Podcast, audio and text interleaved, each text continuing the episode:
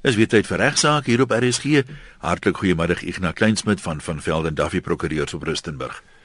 Goeiemiddag Ian, middag luisteraars. Lekker om weer met julle te kan gesels. Dankie dat jy ingeskakel is en ek hoop jy gaan geniet vandag saam met ons. Nou maar kom ons kop sommer af. Wat is eers op die agenda? Ja, ek het dit skrywe gekry van 'n luisteraar wat sê hy is nou keelvol. Hy het nou hy gebruik 'n ander woord, maar hy sê hy het nou genoeg gehad van die sirkus en die klug wat in Suid-Afrika 'n parlement genoem word. Hy sê hy kry skaam. Dan lees ek ook die volgende sin van wat hy skryf. Hy sê wat my betref is die hoof na die EFF. Dit is skriwend om te hoor hoe parlementariërs mekaar oor en weer beledig. Ek is nie 'n prokureur of of advokaat of 'n landros nie, maar vir my klink dit na erge laster en ook na crimen injuria. Sekerlik kan 'n mens enige iemand aankla vir laster as hy jou op 'n openbare verhoog gegronddief noem. Of as hy jou persoon of jou vroulikheid soos ook gebeur het in die parlement of jou liggaamlike integriteit aantas. Ek kan nie verstaan hoekom die parlement dit toelaat, hoekom 'n individu nie iemand soos Malema hof toe vat en 'n behoorlike les leer nie. Is daar iets in die reg wat ek dalk nie verstaan nie? Vra hy dan. Noem my maar Francesco, want hy is minstens 'n gesofistikeerde nar. hy sê moet my net nie na een van die parlementêre narre vernoem nie. nou, eers net 'n paar interessante basiese regsbeginsels Francesco wat op laster van toepassing is. Die gewone betekenis wat ek en jy aan 'n beweerde lasterlike woorde heg sal bepaal word of 'n laster gepleeg. So woon die hoe soos ek en jy dit verstaan. Ja. Uh dit wil sê 'n redelike persoon van normale intelligensie. Watter betekenis sou hy of sy aan die inhoud van woorde heg? Sodra dit duidelik is dan dat dit wel lasterlik is dat dit dat dit dat dit die elemente het van laster. Dis die volgende vraag om te bepaal of daardie woorde die waardigheid en die dink verlaag ten opsigte van die persoon teenoor wie die woorde uitgeuiter is. Kan ek gou teruggaan na daai eerste een toe? Ek is ja. half moedswillig en ek weet ja. ek vra nou lastige vrae maar dit dit het my by opgekom. Sê nou iemand in die parlement, maak nie saak nou wie nie, raak iets kwyt wat so absurd is dat die gewone mens met gemiddelde intelligensie ja. sal sê maar die spreker is die klits kwyt man. Gemens kan dit mos nou ernstig opneem nie. Sal 'n ja. mens dan met ander woorde sê dit is nie laster nie al is dit op die oog af lasterlik. Jy gaan nou as ek nou verder vir jou gesels eens jy agterkom dat wat in die parlement gesê het het het 'n besondere privilegie aangekoppel. Ja. En oor jy sê nou vir my ek's 'n grondie wat sê ek man jy's mal in jou kop. Jy weet of jy jy, jy is nie lekker nie of jy, jy moet uh, jy die klits kwyt of jy het nie al jou varkies nie, die soort van goeders nie. Mense kan in die parlement, soos jy nou nou sal hoor, is daar wat laster betref totaal ander reëls van toepassing as wat in die gewone laster van toepassing is. Ons het nou gepraat van die redelike toe. Sê net maar meneer Glenister. Hy's 'n goeie voorbeeld sê maar hy sê die staatspresident, weet dit is wat hy gesê het, dis 'n korrupte skelm. Is dit duidelik dat die gewone leser dadelik daarin sal aflei? Wat sal hulle aflei? Die staatspresident is 'n krimineel. Doel, dis wat hulle sal aflei en dat hy oneerlik is, dat hy dinge doen vir persoonlike gewin. Dis dan duidelik laster. Dit sal die waardigheid, die dignitas, die fama, die wat ek nogal die, ja, die aansien van die staatspresident aansienlik aantas. Dieselfde sal waarskynlik gesê kan word wanneer 'n parlementariër in die parlement vir 'n ander parlementslid sê dat hy 'n dief is. Op die oog af klink dit na laster. Dit tas sy waardigheid aan. Dit tas sy sy sy uh aansien aansienlik aan. Maar nou wil ek om nou jou vraag en Francesco se vraag se probleem aan te spreek, want hy's reg. Normaalweg word daar dus oor en weer gelaster in die parlement. Erg. En net so word daar oor en weer gelaster wanneer die koerante publikasie van daardie laster weer herhaal in die media of die TV of op die radio, soos vandag. Dis daarom belangrik om te kyk wat die moontlike verweere is teen laster.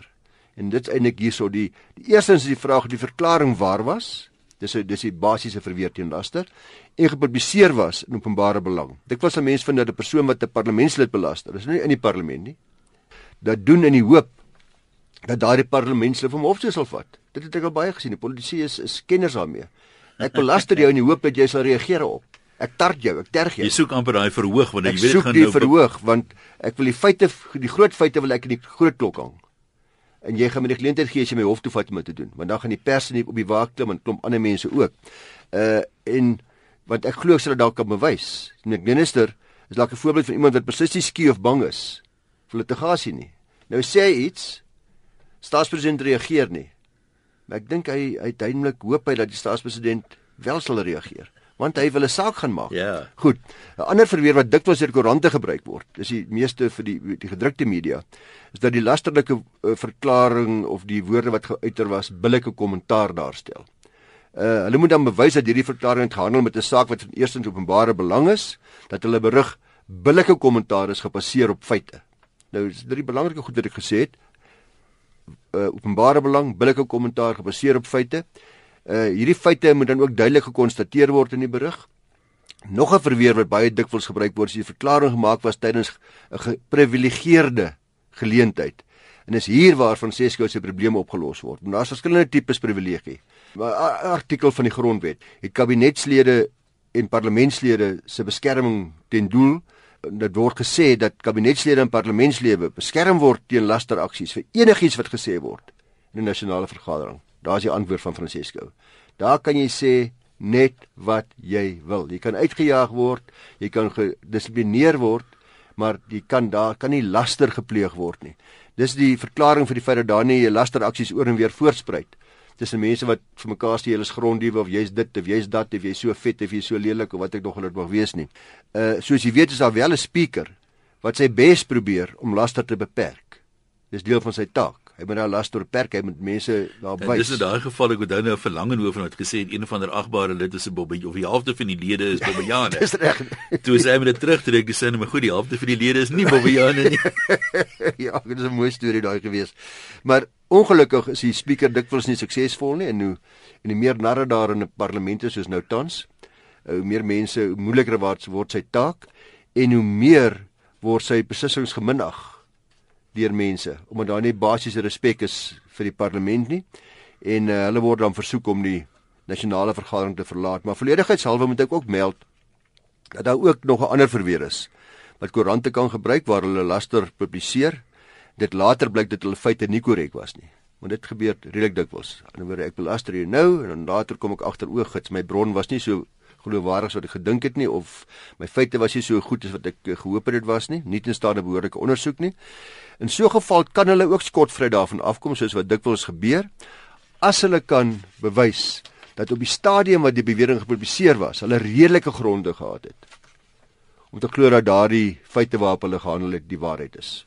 Uh ons moet natuurlik onthou dat dit moeiliker is ook om openbare figure te belaster omdat daar soveel openbare uh belangstelling is in hulle doen en late omdat hulle oopgemaak het vir die vir die vir die publiek daar daar Ja, hoe sê jy altyd jy kies jy vir 'n toffie uitgee, jy weet iemand gaan na jou lek. presies ja.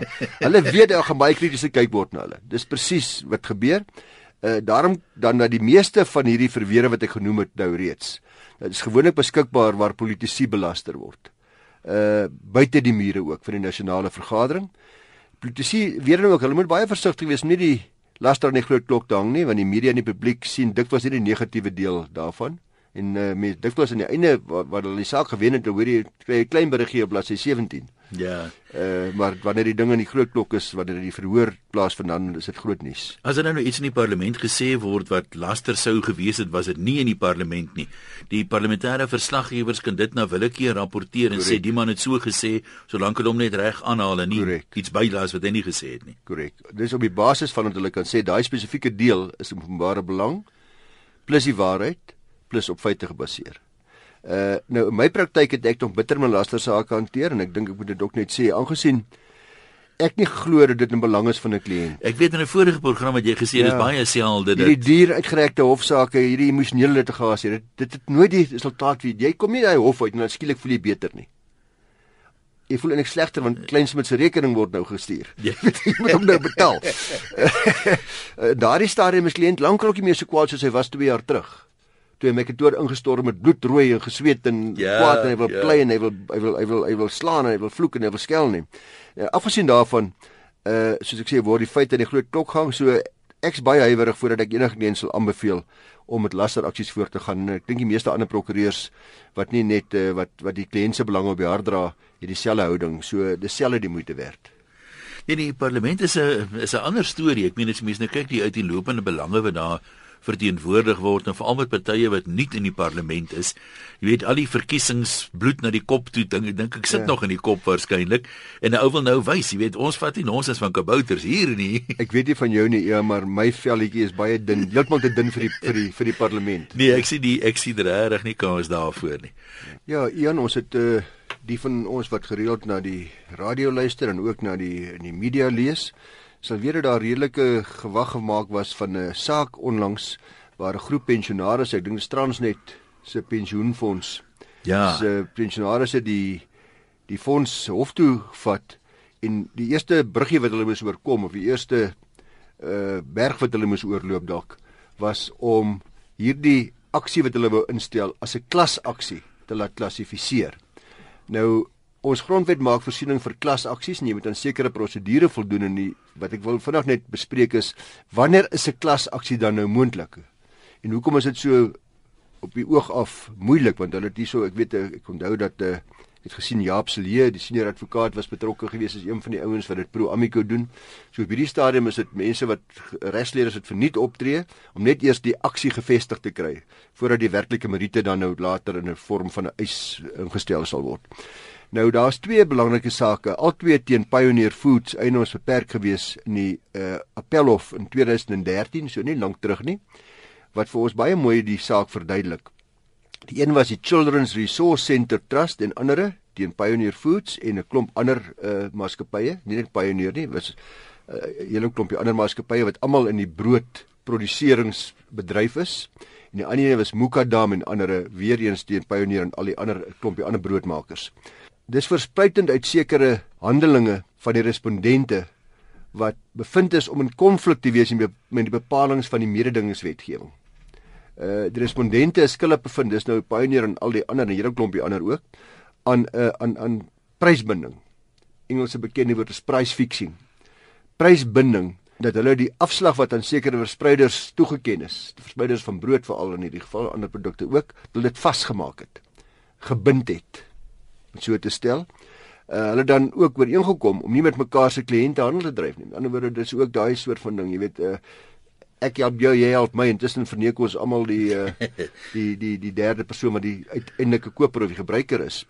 Al die oortredinge het hier in die Weskaap omgewing plaasgevind en uh, daar was verskeie groepe wat aksies wou instel. Nie net nie net uh, Mukadam en en en Children's Resource Center nie, wat die twee sake wat nou wat ek wat ek hanteer. Daar was baie wat graag wou aksies instel gebaseer op die optrede wat ek genoem het. Die, appellante in die twee sake wat ek dan nou genoem het was twee twee deel van hierdie van hierdie groot groepe mense. Hulle wou albei aksie instel deur middel van 'n klasaksie.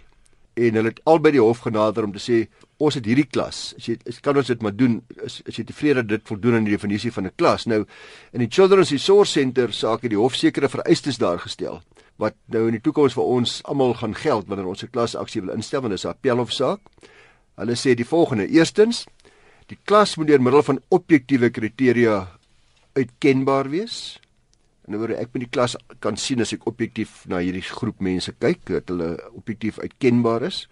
Daar moet 'n skuldoorsaak wees wat natuurlik van self spreek wat 'n verhoorbare kwessie daarstel, iets wat uh, verhoor kan word.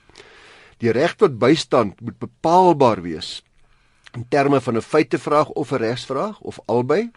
En dit daai feitevraag of regspraak of albei moet moet gemeenskaplik wees in al die lede van die klas. In 'n woord dit is ons moet die gemeenskaplike feitevraag of regsvraag hê wat ons raak. En dan die resop wat verlang word of die skade wat geëis word, moet voorspruitend wees uit die skuldoorsaak, moet bepaalbaar wees wat van self spreek en waar dit 'n eis is om skadevergoeding, moet daar ook 'n prosedure wees om die skade wat verhaal word aan die lede van die klas te allokeer. Met ander woorde, as ons nou 1000 is, hoe gaan ek dit by die 1000 uitkry? Ek moet die 1000 kan identifiseer en ek moet dit soos by die pensioenfonds. Ons kan daar sien daar's 'n lys name en ons kan hierdie ou kry R10 en hierdie ou kry R20 en daai een kry R15 volg, volgens formules. Hmm. Dit moet moontlik wees om dit te kan doen. En die voorgestelde verteenwoordiger moet geskik wees om die aksie voor te sit om die klas te verteenwoordig. Aan die ander kant moet ook iemand jy moet iemand hê wat jou verteenwoordig wat jy wat jy wat die hof tevrede is. Wie hierdie ou kan dit behoorlik doen namens die hele klas.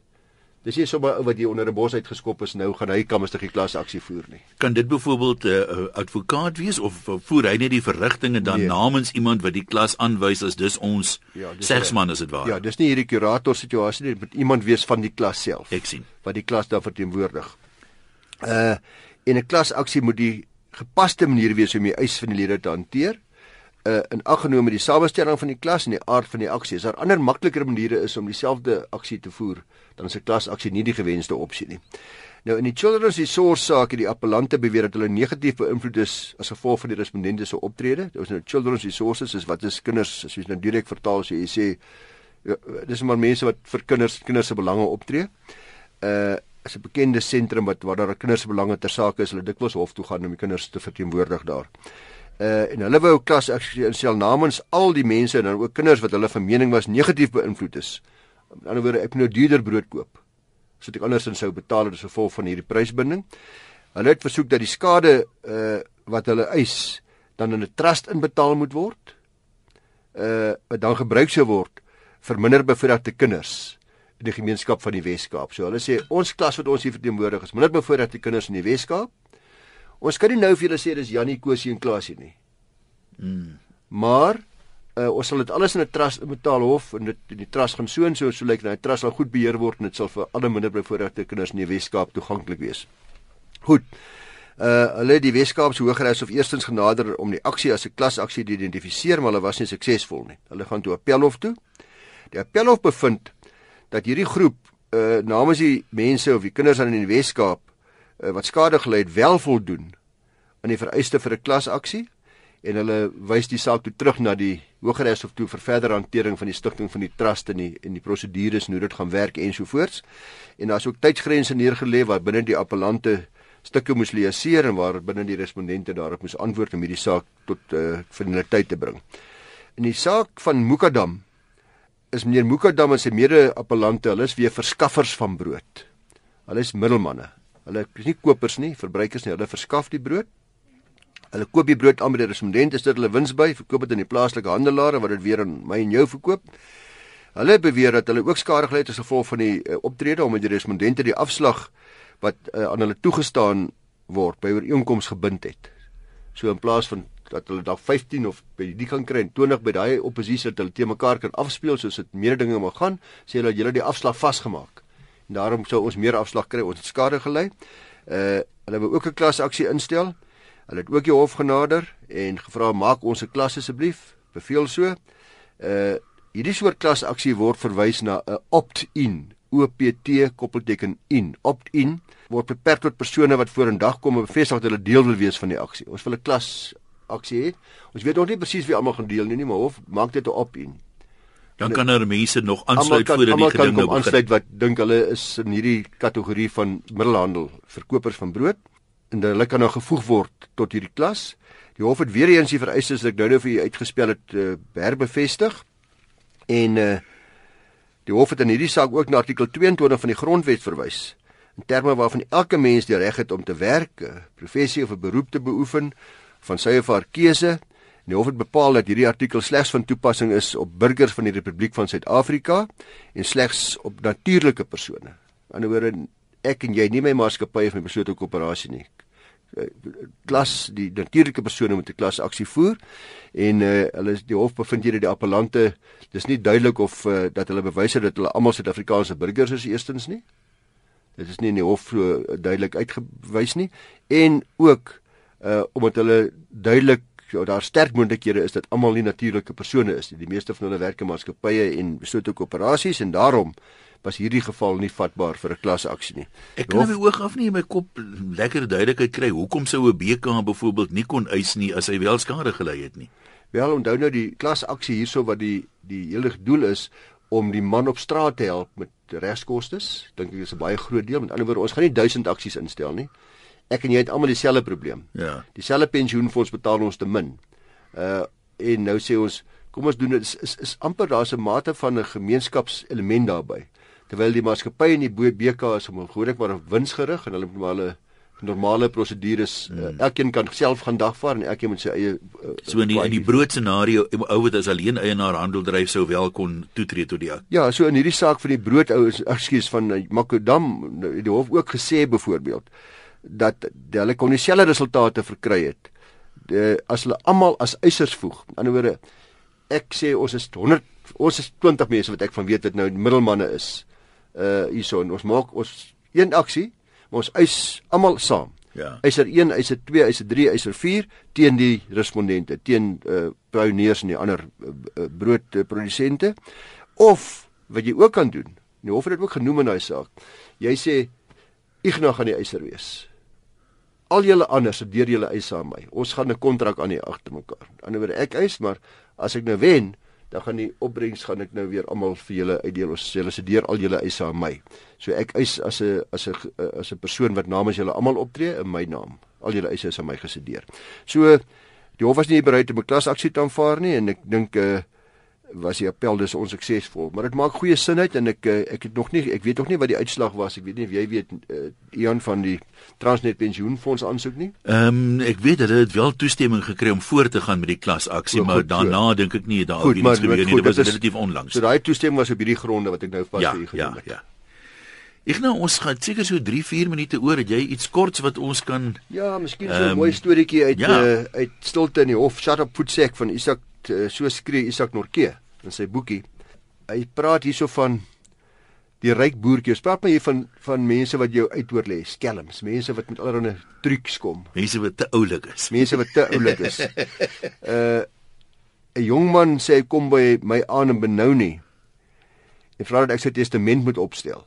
Sy oupa is oorlede en hy het sy hele rykdom geërf. Hy voel eintlik baie sleg te word want sy ouers en sy broers is almal onterf, maar hy het dit nou, hy wat kan hy nou maak? Hy het nou alles geërf.